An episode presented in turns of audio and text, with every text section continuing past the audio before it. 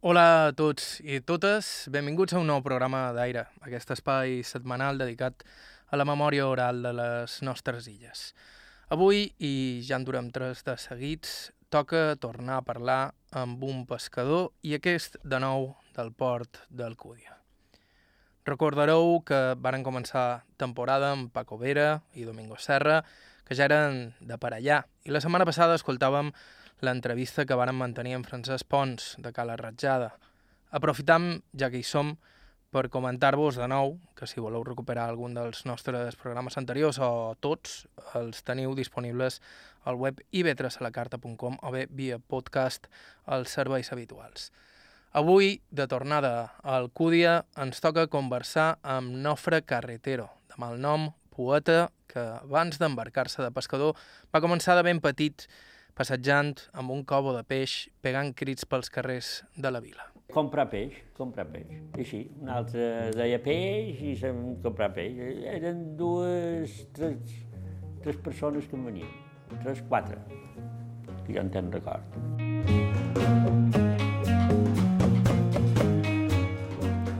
Provinent d'una família de pescadors, en Nofre no volia seguir la tradició familiar, volia ser fuster, però no li va quedar més remei i amb el seu germà va anar comprant barques cada cop més grans fins que en varen acabar farts i tornaren a les petites. Tota una vida dedicada a la pesca.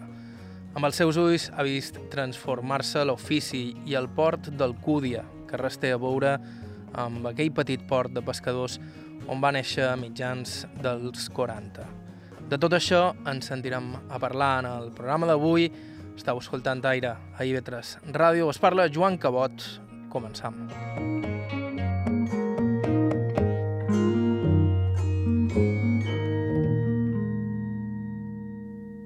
I ho feim a Can Nofre, primera línia del passeig del port d'Alcúdia. En en Nofre fa poc li vàrem fer un homenatge per la seva vida de pescador i la seva dona mostra orgullosa la placa que els varen regalar. Allà surt ben gros el seu nom, que és... Pues Nofre Carretero Caldes. Jo vaig néixer eh, en el 44.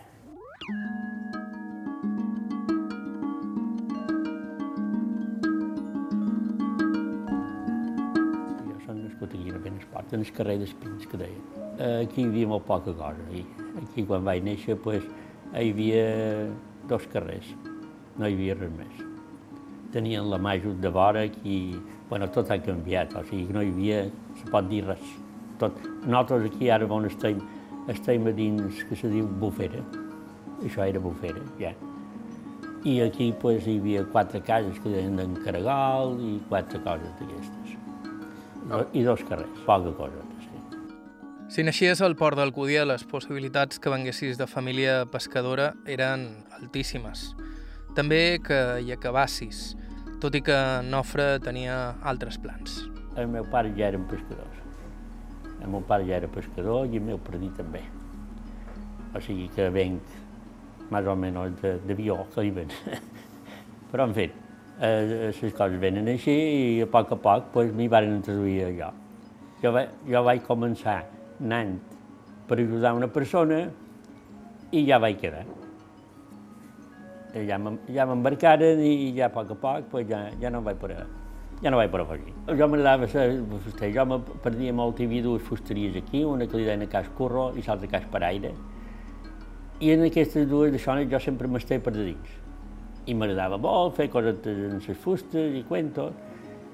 I jo volia que a poc a poc ells m'hi de dins per, per, fer-hi feina això. Però com que llavors no n'hi havia, no, no volien pagar res, ni deixonaven res, com el lot em ensenyaven, no, no volgueren.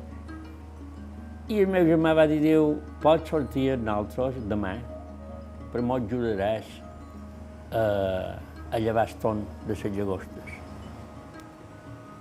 Vale, ja he ajudar.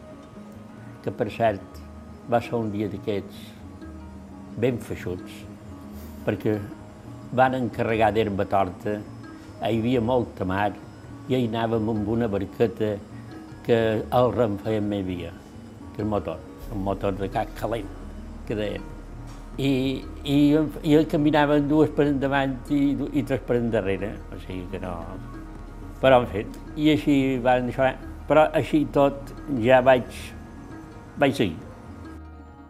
En Nofre va acabar de pescador tot i voler ser fuster, i això que ser fuster era també un bon ofici al port d'Alcúdia. Mai els faltava la feina perquè sempre hi havia barques que fer o reparar. Aquí pues, feien les barques, per exemple, feien barques que, per cert, per treure-les necessitaven mig poble per, perquè els ajudassin i tenien la verdera aquí. I, claro, els duien fins a la verdera i de la verdera els tiràvem a la mà, en, en sos parats parats per fer-les caminar per damunt, se deien parats, i allà, pues, vinga, 12 o 13 homes allà vinga, per, per empènyer, perquè l'aguantaven en les mans, no, no, no, no, no, no duien cap carro com ara, que els poden muntar un carro i s'aguanten totes soles, així. No, no, els aguantaven damunt els parats, dos o tres homes per cada banda i, i els altres empenyien i, i així la duien fins a la verdera, o fins a casa que eh, davant sota el Marisol, hi havia una verdera allà, poc abans d'arribar al Marisol, i, i allà pues, eh, tiràvem la barca. Sí, era una festa perquè com que tampoc no hi havia res per aquí, i menys quan tiraven una barca a la mà, hi havia qualcun pues, que rompia una botella de xampany o algo, i ja feien festa, o sigui que no... Va ser per guapo. No hi havia, no hi havia molta gent, ens coneixien tots, tots eren família, se pot dir. I hi havia escola o no? Sí, no, escola n'hi havia dues. Aquí en Esport? Aquí en Esport. Hi havia una eh, a, damunt Espòsit, que deien, Espòsit, eh, a damunt un... allà on tenien les xeixes, el tenyidor, damunt n'hi havia una. De... és que no m'hi és, és, és mestre suau. Mestre suau. I aquí de Sàpols teníem un pobler, ja diferent. Aquell era de pescadors, aquella classe era de fills de pescadors i quantors, bueno, també anava. I els altres també que anaven pescadors, però era més, més comú, o sigui, més... Però eh, érem, jo què sé, deu els lots a cada banda i no hi havia més. I el poble era el, poble, el poble era, era bo perquè era un home que una cosa que molt els mestres ara els hi costaria un poc més, venia en moto de la pobla cada dia, tant si nevava com si plovia, com si fes el que fes. Ell venia. Nosaltres l'esperàvem a, a fora de l'escola, perquè era el carrer, i tenim una capa amunt que fa cap avallada aquesta d'aquí dalt, no sé si has passat, fa una capa per avall, i nosaltres quan venia ell tot emboligat perquè era veure, podríem haver fet una foto llavors, perquè venir. Venia damunt una l'UB, la moto, i quan el veiem allà damunt, ja és aquí, el veiem venir damunt, damunt la costa, tot embolicat, que feia un fantasma. Però eh, ell, ell venia, ell, ell ell no fallava. Ell no fallava.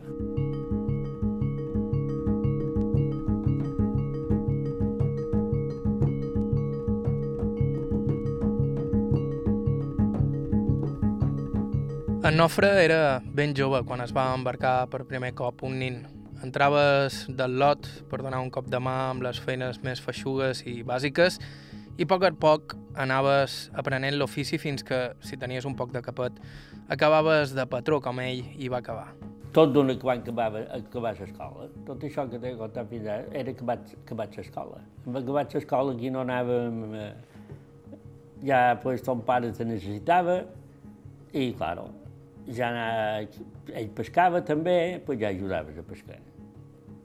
I, claro, amb ell no guanyava res, sinó que ajudava només d'això. Després, quan me vaig embarcar amb aquesta barqueta per ajudar, pues, ja, ja guanyaves qualque cosa. Cap de la setmana, pues, si te donaven 10 o 5 euros o el que sigui, pues, ja, ja tenies. I, I així.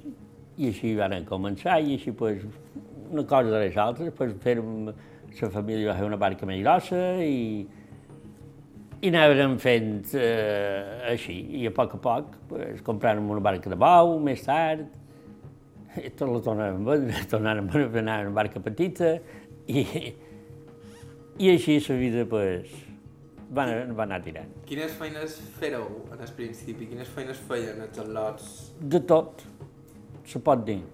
T'ensenyaven, per exemple, a adobar xerxes. Sí, quan, eh, que era el més interessant, perquè el que interessava quan duien les xerxes en terra era doble-les. Ara no se fa tant, això d'adobar, ara se fan noves. Però antes no, antes eh, sempre duies, cada dia duies dues o tres xeixes en terra. Posaves tres de, no, tres d'adobades i tres, tres de, que estaven més espanyades. I quan arribaves en terra, pues, s'estenien i després s'adobaven. Te, te passaves tot el cap vespre eh, fins, que, fins que estaven, eh, havia d'adobar. I després tornaves a agafar aquestes tres xarxes, els tornàvem a afegir i en feien tres més. I així, pues, el tot eh, anava un poc ben arreglat. Hi havia moltes barques, llavors, en el port? Uh, no. Te podria haver, sí, set barques, vuit barques, deu, tot el més, però ja no, no, no és. Ara es pot dir que totes són... Curí potser n'hi ha dos o tres, ja no n'hi ha més. Totes les altres són de gent de fora. Parlant de barques, el nostre entrevistat d'avui encara recorda la primera barca a la que va pujar per fer feina. Era la barca de l'home on Sebastià descalç. De l'home Sebastià descalç i anava un, un gènere que se denomia Toni. Toni. I, amb aquest, pues, com que l'home Sebastià ja era més d'edat, ja era vell, pues, la tenia el seu gènere, en Toni, Toni Sales. I, i amb aquest varen continuar un grapat d'anys, potser un grapat de dos, tres anys o quatre. Vàrem anar amb aquesta barqueta. Temporada d'estiu, després pescàvem en d'hivern en ton pare, en son papà i pescàvem molt de plangre, llavors. Perquè les xeixes antes eren de cotó i no n'hi havia de nilon.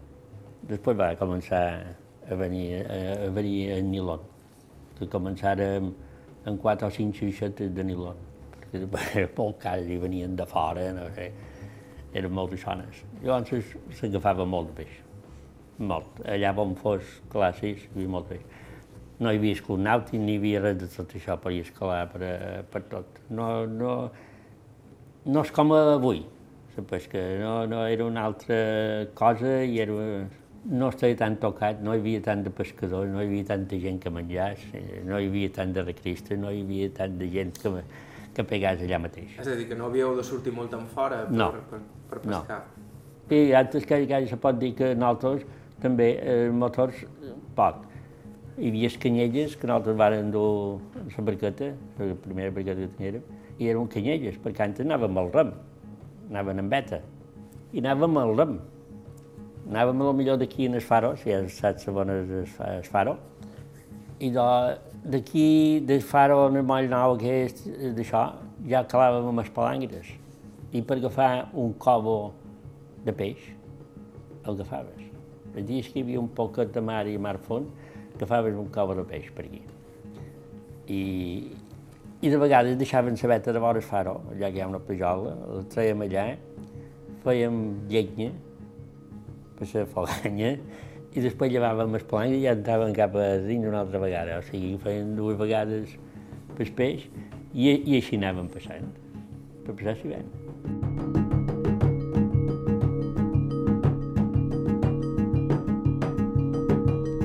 Si agafaves dos cobos ja estaves salvat. estaves salvat. Perquè després d'agafar l'òbit anaven de... I, I el venies en el poble, se pot dir. El venies al curi, perquè molla, en quatre, no, no, no, no se passejaven, però era el curi. I el curi un temps em menjava molt de peix, se menjava molt. No, no s'aturava, o sigui, que el acabaves en el peix. Perquè aquesta va ser l'altra feina que havia fet de nin, acompanyar la seva mare i la seva padrina que pujaven cada dia a vendre el peix que agafava son pare pels carrers del poble. Això ja encara anava a escola, però, claro, moll al Curí hi ha dos quilòmetres. I els havien de dur en separança, si no l'havien de al costat, eh, en escola. I de vegades era feixuc, i duien unes balances amb els pesos de dins, més les balances que, que eren de mà, que pesaven bastant també, i, i jo anant a cap al Curi. Quan vas al Curi? A passejar carrer per carrer, comprar peix i, i així, pegant crip pel carrer. No. Hi havia qualcun que deia un con o això, però el seu era peix, eh, comprar peix. I, i això, pues, cada carrer. Cada carrer del Curi. I així, Home, si el venien més aviat, doncs ja, perquè ja no tenies peix. Eh, de vegades te quedava un quilo, dos quilos, els barris que deien, barris, pues, qualcuna que se anava, feim els barris, any ja feim els barris, per, per no haver de passejar més per dins el poble. Se venia més barat, eh, que te'n dona, jo què sé, set pessetes o tres pessetes o te dona els preus eh, era una cosa que damunt eh, la qualitat del peix i si era més gros o més petit. Aquí eh, s'hi veu. La qualitat del peix, el millor, jo sé, el que se ven, sempre se ven el peix més guapo és el primer que se ven. Jo crec que per tot és el mateix. Quan tens fruita que se ven el més guapo, pues, la més grossa o la més, sempre se deixa la més rueca. Pues el peix més o menys és el mateix. I, i així, pues, hi havia, claro, hi havia la gent que venia primer, i veia, per exemple, si havíem anat en el que agafaven vaques, esparrai, donzelles i tot això, i altres castes de peix, pues, claro, tot, tots volien les vaques més grosses i tot això, pues, això, pues, sempre era un duro o 10 pessetes més car que, que el petit. Però d'aquest més gros sempre n'hi havia poc, més poc, dels altres n'hi havia molt més. I de peix gros i petit em va agafar tones i més tones un cop es va fer pescador.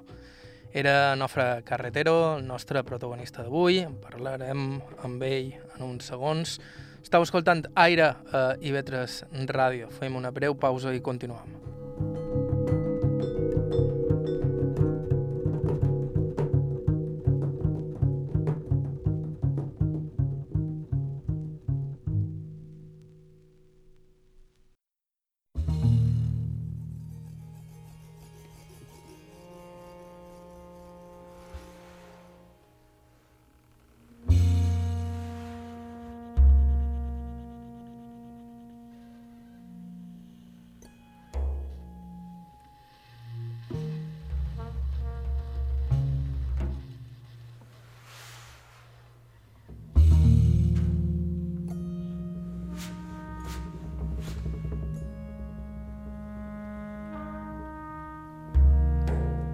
Nou, estàu escoltant Aire a IB3 Ràdio i nosaltres en el programa d'avui hem tornat pel port del Cúdia per conversar amb Nofre Carretero, pescador per tradició familiar, encara que no per elecció pròpia.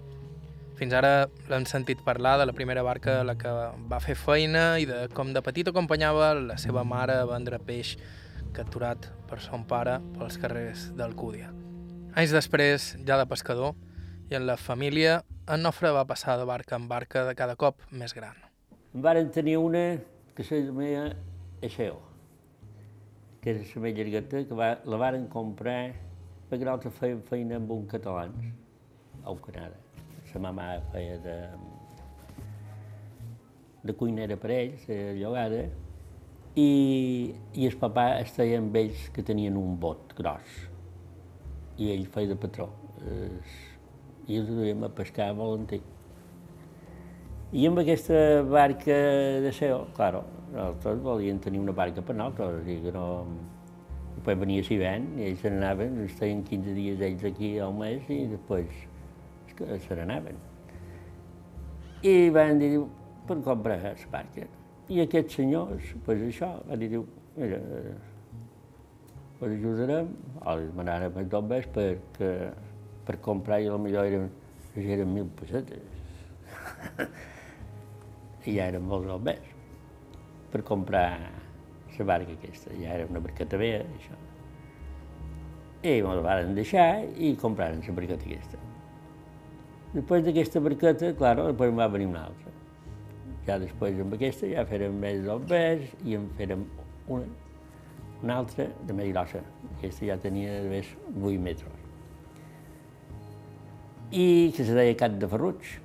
Amb aquesta ja hi pescàrem bastanta estona, pescàvem tonyines i pescàrem monitors i pescar llagostes i bé, ja hi pescàvem de tot. Però el que passa les circumstàncies de la vida que sempre en vol més. I clar, veien, les barques de bau tenen dos dies de vacacions, tenen... Eh, quan arriben en terra ja estan llets, i nosaltres sempre hem d'estar en les xeixes davant i quan... Bé, que feim, que no feim, i que feim, i que no feim, a poc a poc, un dels germans que més calent ho duia, vinga, mos hi ficàrem. I duguérem una barca de bau que se deia la, amarilla, amarilla, l'amarilla.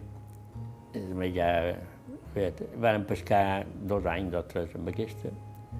No me va bastar aquesta que en fèrem una més grossa. No la fèrem, sinó que compràrem una que se va vendre per cala ratjada, molt més grossa, que vam posar a soar, i, i amb aquesta que vàrem, que vàrem la vida. Pescàrem dos o tres anys més, també, i també després ja se va vendre, ja no podíem anar més, i ens tornàvem a conformar amb una altra més petita. Jo vaig comprar una, amb aquesta de vez tenia 32 pans, una cosa així, 5 metres i pico, i amb aquesta me vaig acabar de fer la vida amb ella. Durant quant d'anys heu pescat? Jo amb aquesta que vam fer, és 14 anys crec que eren.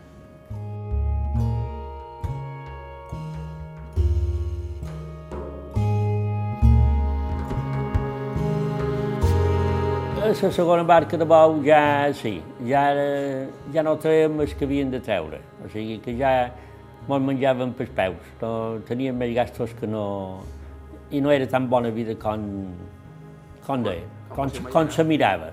Perquè de vegades, vida de fora, tots els negocis són guapos, però eh,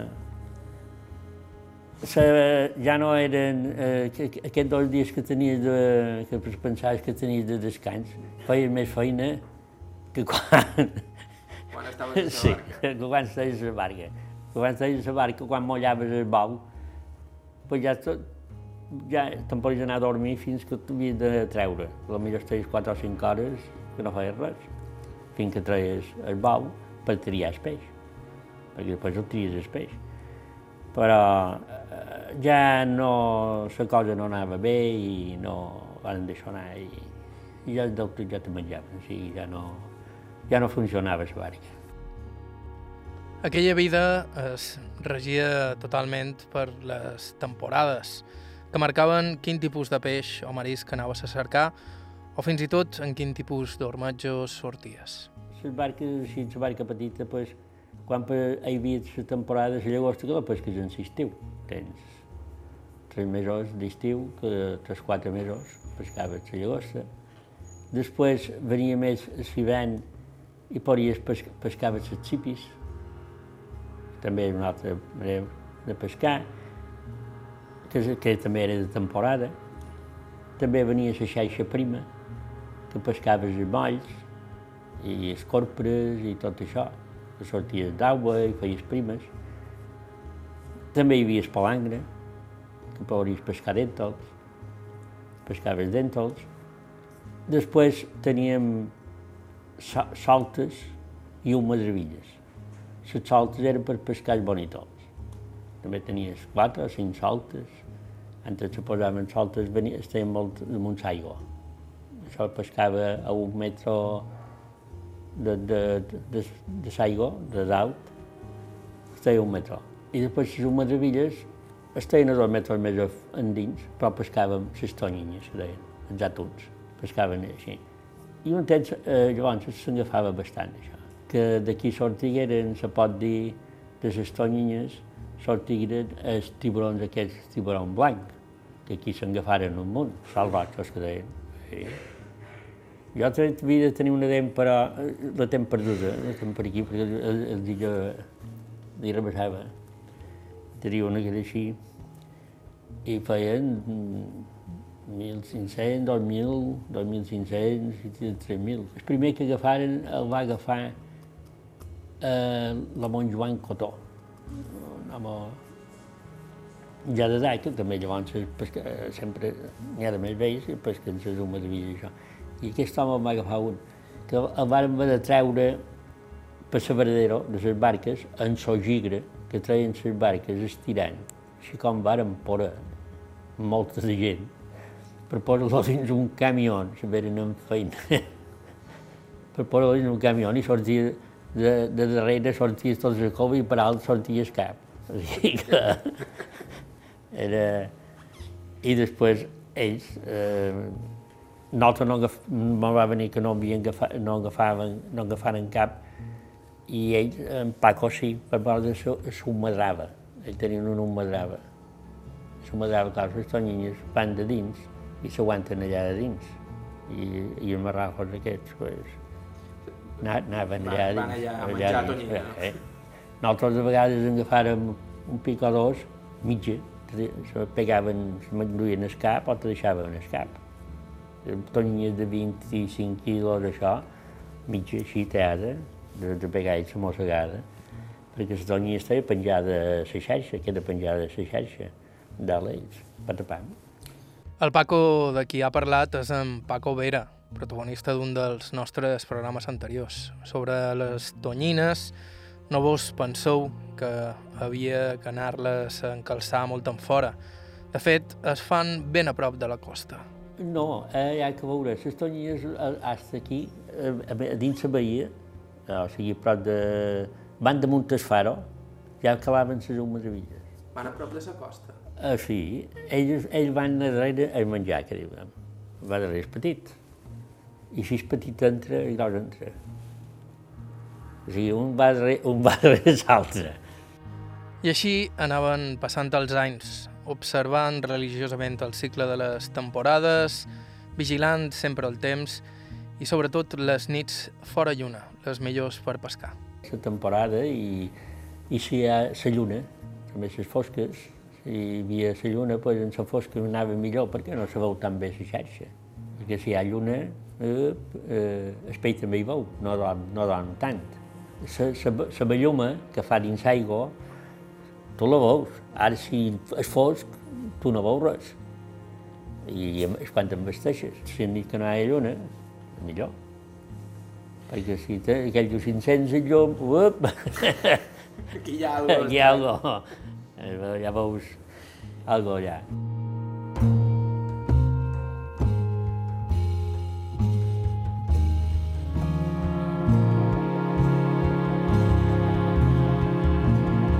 també un cirurgia més bé en so ten que veia.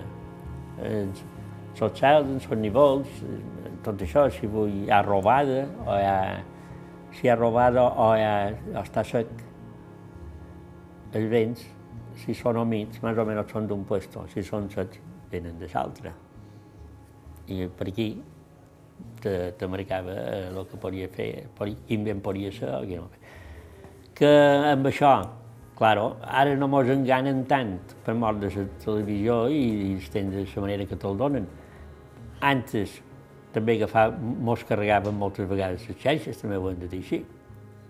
Perquè també eh, no esperaves, per exemple, el dia que te pensaves farà vent, però no saps si te'n farà molt o te'n farà poc. O augmentarà molt, o augmentarà la mà, te posarà molta mar o te dura perquè un temporal antes te duraven, hi havia qualcun que durava 15 dies. I ara no sé quin temporal fan que eh, ara bufa i al cap de dues hores ja no, ja no bufa aquest vent. O sigui que és molt canviant ara. O sigui, tanta xuxixia te posa mar com no n'hi ha. És una manera de controlar, se controla més els temps i no sé, també molt canviant. Antes era més, més seguit i més... I, de, hi havia haver temporades que no podíeu sortir. Exacte, no sortia. I què fèieu quan no sortíeu? Sempre ha, hi havia xarxes per, per arreglar. Això, eh, i mos passàvem el temps així. Amb un temps, jo ja no, però quan eh, no podien sortir els pescadors anaven a sembrar pins, que deien. Això no... no, no eh, s'anaven a sembrar pins a la comuna, això. Pues, el, el govern els donava Guanyava, guanyava feina, guanyaven qualque cosa, i com que assisteix 15 dies un mes sense sortir, que fes? Un tap per morros. Pues anaven a sembrar pits. I sembrar pits, i, i anar a cercar esclat de sants, i anar a cercar cargol, i tot, tot, tot el que va, i anar a fer llenya, totes aquestes coses s'acaba la vida així com podia. No se les ha tan, tan bé ara. La de pescador no era una feina exempta de París. Les històries de barques perdudes abunden, encara que a mesura que van anar millorant els estris de navegació, de cada cop els naufragis eren més estranys. Aquí serà, de vegades seran perdudes de barques, perquè també, clar, eh, si t'agafen carregats o t'agafen, te'n per darrere Formentor, se'n van perdre, se'n perderen un parell, però no sé si anaven carregats de tabac o no sé. No sé. Però vaja, eh, darrere Formentós em perderen un parell i anaven a la bola i, i aquest temps, pues, clar, i quan t'agafava, pues, el vist de capatger. De vegades te'ls posàvem pel coll, però...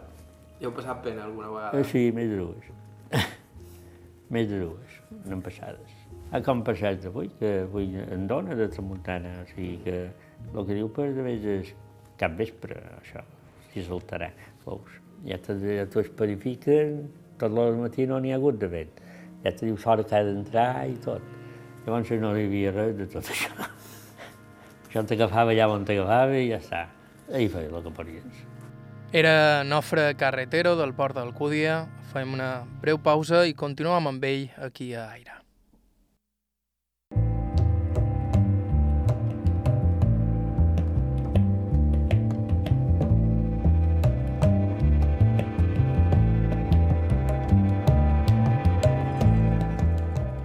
Continuem amb el programa d'avui. Estàu escoltant Aire a IB3 Ràdio, un espai dedicat a la memòria oral que en aquests darrers programes ens hem dedicat a escoltar algunes de les últimes entrevistes que han fet alguns pescadors memorables com Paco Vera, Domingo Serra, Francesc Pons o avui Nofre Carretero. En Nofre comentava fa uns segons que en, la, en vida seva els naufragis eren de cada cop menys habituals, al contrari que en temps més antics, i que en alguns casos les barques naufragaven de vespre i a zones on més que peix la sospita era que duien tabac o cafè. El contraband era un sobresau habitual per a molts pescadors. De nou, no tant en els temps que ha viscut en Nofre. Amb, amb això, nosaltres no, ja no, ja no vam viure. Aunque encara n'hi havia qualcun que em fagués quan jo era petit perquè encara hi havia renòvies. Però amb això no mos hi hem ficat mai. Amb, amb això de contraband no... De les bandes de la meva família no, no, no s'hi ha, no, no ha ficat mai. Sí, no, no. Uh, més la pesca i més, més normal. Amb això ja, ja havia de tenir uns altres contactes per, per poder ficar. I amb quina pesca disfrutàveu més, vos? Amb quina feina, jo per jo, és quan pescàvem tonyines i bonidols. Perquè era una pesca que eh, això estaia calat, el deixava escalat, estaia a lo millor si durava 20 dies o, o 25 dies, la xaixa estaia a la mà, sense tocar-la sempre estaia calada. I tu cada matí anaves a veure-la. O cada vegada que des temps t'hi deixava anar, però he vist d'anar cada dia a veure-la. I, claro, això té una tirada de, de surors que suren. A millor tens 200 metres, tens surors seguits. I quan anaves a veure-lo, si veies tots els surors, malament. Perquè no n'hi havia cap que se fiqués dins l'aigua, el peix pesa, i els ficava. Quan veies, per exemple, allà al mig fa freu. Fa freu vol dir que a Xurós n'hi ha un bocí que no el veus. Bon senyal. I ja te n'anaves amb aquella il·lusió de veure el peix, enganxat. Eh, i, o de vegades hi havia quatre o cinc combinats i tocaven el fons i tu anaves traguent. Després li donaves ganxo per tirar-les a bordó. Hi havia qualcuna que, si feia 150 quilos, per tirar-la dalt, eh, t'hi havia de ferrar fort. I de, i això era el més guapo que hi havia. Devia ser emocionant, no? Quan, quan hi havia peix. Eh, quan hi havia peix, això, un vespre en agafaren 52 De tonyines. de tonyines amb, un, amb joies. Ben carregats que anàrem aquesta vegada. I la foto que jo no era aquesta vegada. jo era en el cine, però els vaig fer netes jo. Jo, jo era el que els embutzava i els llevava la ganya, i el germà va sortir amb en Paco i en Joan, el seu germà, que ells també en tenien, de meravilles. I per les nostres en terra no anaren a veure les seves, perquè ja venien carregats. I el cent demà, ells també, quan hi anaren, també en dugueren 9 o 10, eh, també en agafaren 9 o 10. Però nosaltres aquest dia en agafaren 52. En Nofre no només pescava tonyines, també altres delícies de la mà, també ben preuades com la llagosta. Sí, també la llagosta també. Però la llagosta ja era més, era més feixuga perquè de tot d'una la pescàvem a mans. De tot d'una jo la vaig pescar també en nansa. I la vaig pescar amb en Paco i amb en Pet Domingo. Jo vaig anar amb ell com a de, de grumeta, que es diu, del lot, perquè ells són més vells que jo, ells eren jovenots, i jo era a nit, i ja pescaven nanses. La nansa també és, és molt diferent que la xarxa, perquè la nansa pues, agafaves la maquinilla, no se pensa les coses eren de, de càrrec, de, de, de, de tot d'una, de, de, de càrrec. Havia d'anar al tant amb les mans perquè teaven. I en les nanses també era, era, era guapo perquè tampoc no duien tanta feina. Anaves traguent, posaves la fil, posaven el filet pensesca, i clar, quan hi havia una, pues, claro, no, la veig fins que no estaia de dins. O sigui, que fins que estaia dalt, Havies de treure tots eh, havies de treure, claro. I hi havia qualque filera, més de dues fileres, que feia de net, o sigui, no agafaves cap. I qualcuna, pues, agafava 9 o 10, i anava bé aquesta. Perquè 9 o 10, i duia 5 o 6 fileres, així mateix duies. Perquè cada filera, a millor eren 60 o 70 nanses que duies.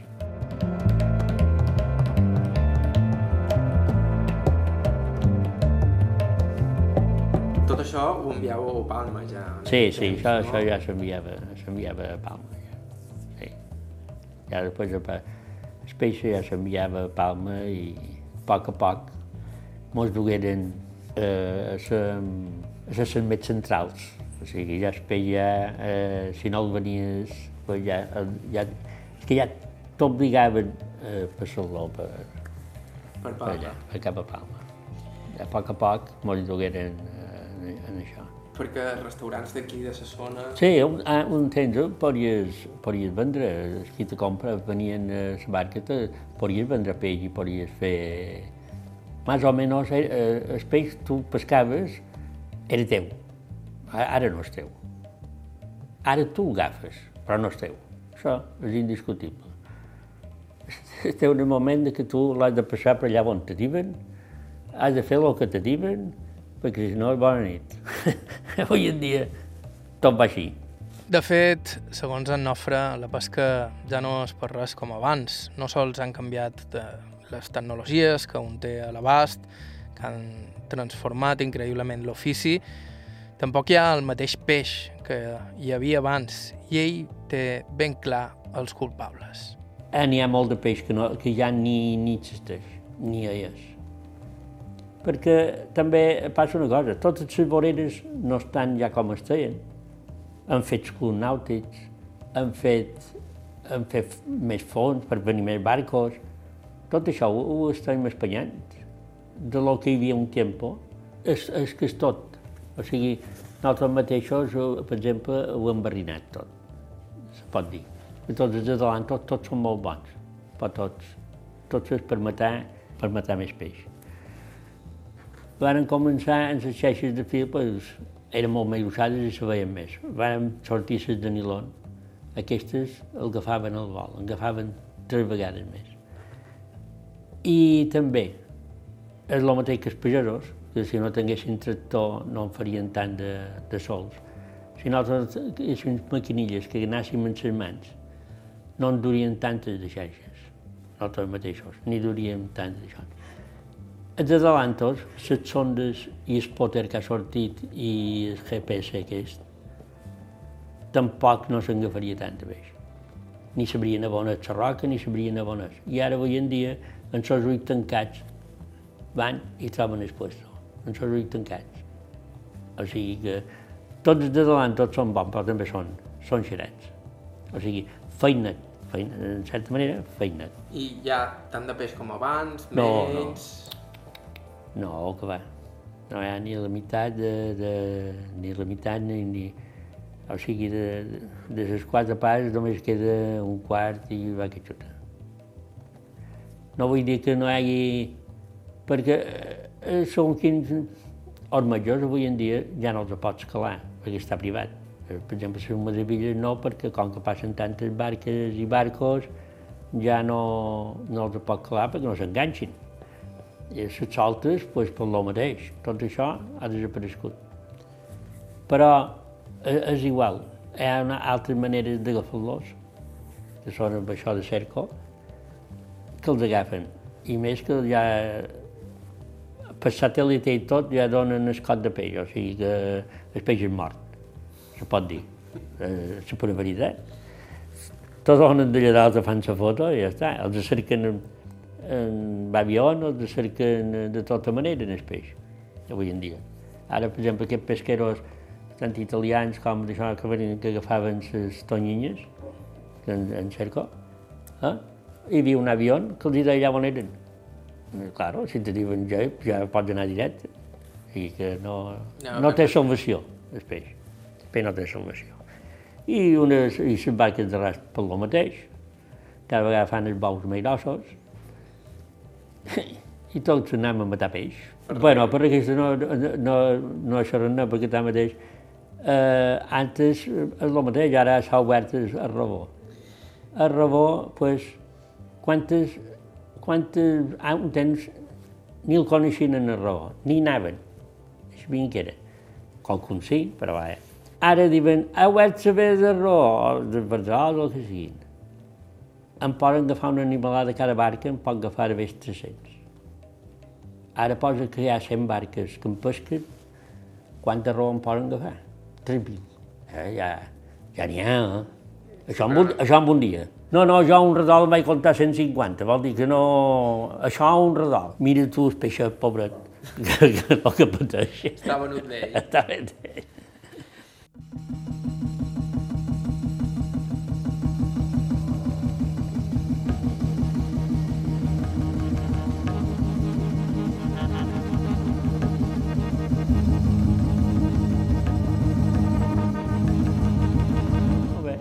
aquí ja, venia el barco descarregant un xalant, aquí, antes de fer el moll nou aquest.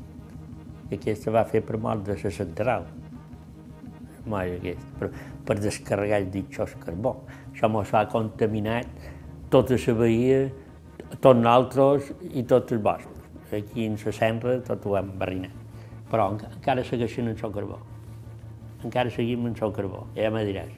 El volen llevar, ben, ben arribarà el dia que el llevin. Perquè quan varen fer la fàbrica nova, diuen no, diu, ha d'anar en gas i ha d'anar en gasoil. Res. En, en el carbó encara. I, i és una pota mort, perquè totes les nacres que hi havia que diuen que és el múscul més gros que se fa, tot ho ha mort el carbó, perquè tot, si agafaves cap, com que és un filtre, tot era negre. Tot quan l'agafaves tot era negre, o sigui, es moria, tot, tot, tot era un pilot de carbó, que dir, clar, el carbó vola, pega damunt l'aigua, però a poc a poc se'n va endins. Que no ha mort tot, però tot, tot això, com pinya, cuentos i això, tot ho ha mort. Tot el que filtra l'aigua, ho, ho, ho ha mort tot. I, clar, i així, a poc a poc, pues, després feren dichos un nàutic, que guapo. I, i estem salvats amb això, que aquí eh, era un cridero de peix, com que no ho miren. O sigui, tu no pots agafar segons quin peix, però ells no fa res si em maten, si em maten a mi, els no passa res, perquè ells ho diuen. Però si tu en agafes un, eh, tu rebràs. No sols tot allò que envolta la pesca ha canviat, el port d'Alcúdia no és el de la seva infància tampoc. Quan ell era petit hi devia haver prop de 300 persones vivint allà i tan sols un parell d'hotelets i els estiuetjants donaven feina també a patrons com ell, però a poc a poc el turisme va esdevenir una altra cosa. Pues hi havia dos hotels que eren el, el Marisol, l'Hotel Golf, no, n'hi havia tres, i el Miramar. Aquests eren els tres hotels contents, no hi havia res més aquí. I més vell eh, era entre el Marisol i l'Hotel Golf, que estava dins la playa, es pot dir que estava, que encara és aquí l'Hotel Golf que se diu, però en temps estava, com que no hi havia res, només era tot sol, estava dins la playa, perquè tot el més era bufet. Estaria, estaria llibre, eh? o sigui, les cases no arribaven ni que eren fora, l'hotel pareixia, pareixia eh, fora. Eh, com que no hi havia res, vaig dir que aquests dos carrers que pegaven a la carretera, el carrer d'Espins i l'altre, que l'altre a una banda tenia cases i l'altra casa només n'hi havia tres o quatre, o sigui que tot el més era camp i era, era bufet, no hi havia res.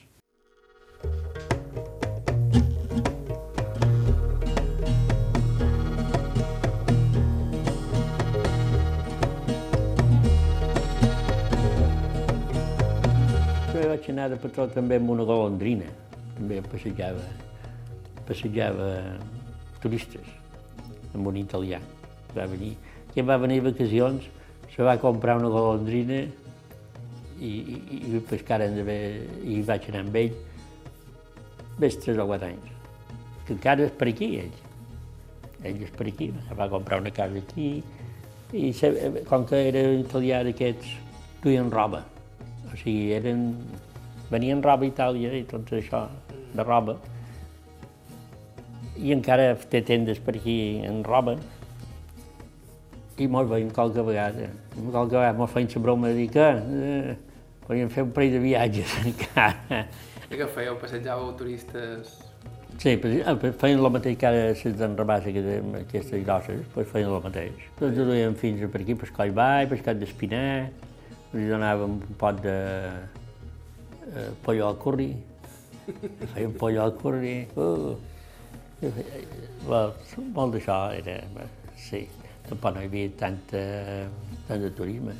Hi havia el fet aquest, que a través d'aquest director de, de, de Sawin, ja li va comprar la golondrina i mos donaven els clients dels hotels, ja venien en la barca, ja no havien de patir res. Saps? I així pues, omplíem.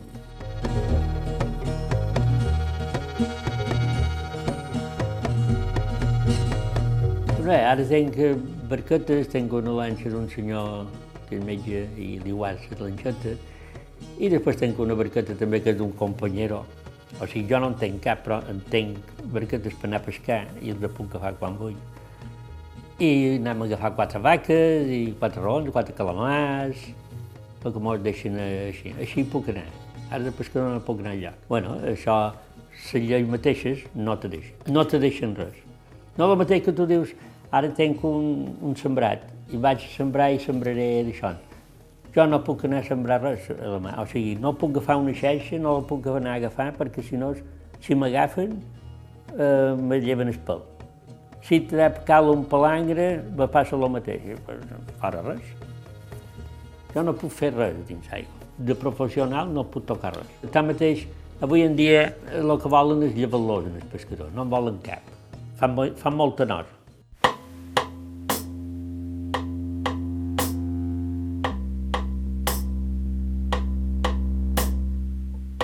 Fins aquí el programa d'avui. Moltíssimes gràcies a Nofre Carretero i la seva dona pel seu temps i amabilitat. I gràcies també als companys de Ràdio Alcúdia que ens varen facilitar el seu contacte.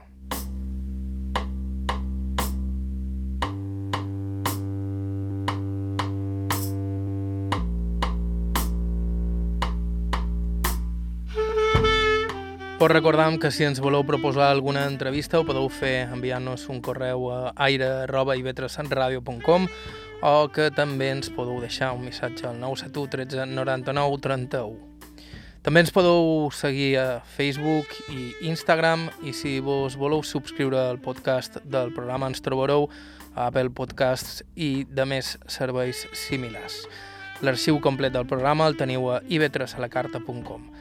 Bàrbara Ferrer, la producció executiva, i Iker Hernández, a la producció tècnica. Vos ha parlat Joan Cabot. Fins la setmana que ve.